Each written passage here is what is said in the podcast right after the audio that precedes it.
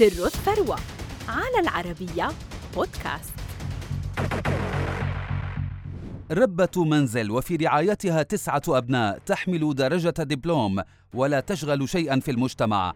هكذا كان حال الهندية سافيتري جندال قبل العام 2005 لتصبح بين ليلة وضحاها قطبا سياسيا واقتصاديا في الهند ثم أغنى سيدة هندية بثروة تتجاوز 18 مليار دولار. فكيف حدث ذلك؟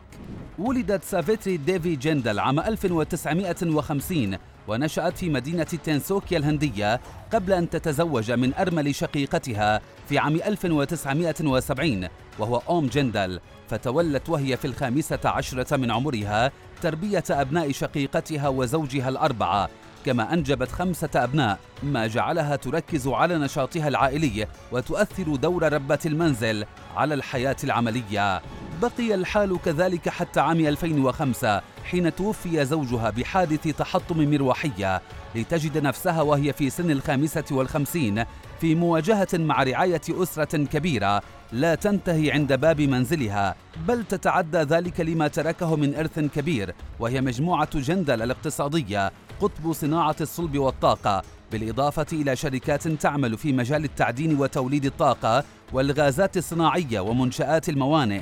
وهي إمبراطورية أسسها أوم جندل الذي ولد لمزارع بولاية هاريانا الهندية عام 1930 بدأت القصة عندما كان أوم صبيا مهتما بالتكنولوجيا والهندسة.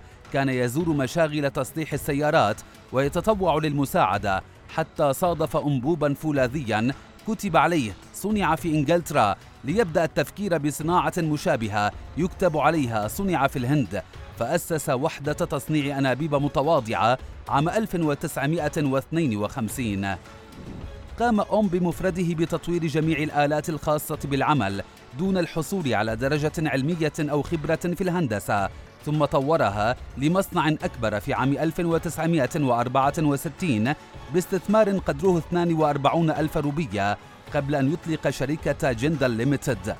في غضون عقود قليلة تحولت المجموعة إلى أربعة تكتلات عملاقة في صناعة الصلب والتعدين والطاقة عمل على توليتها لأبنائه أثناء حياته.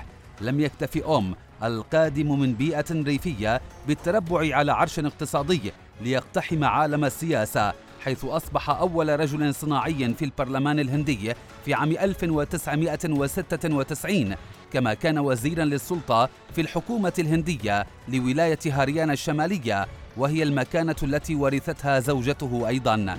فبعد وفاته نقلت أصوله الشخصية إلى سافيتري التي بدأت مسارا مهنيا سياسيا إلى جانب رئاستها لمجموعة جندل فأصبحت مشرعة في ولاية هاريانا شمال الهند في عامي 2005 و2009 كما شغلت حقائب وزيرة الدولة للإيرادات وإدارة الكوارث وإعادة التأهيل والإسكان في عام 2006 ووزيرة الهيئات المحلية الحضرية في عام 2013 وفي عهدها زاد معدل نمو المجموعة أربع مرات وتوسعت أعمالها.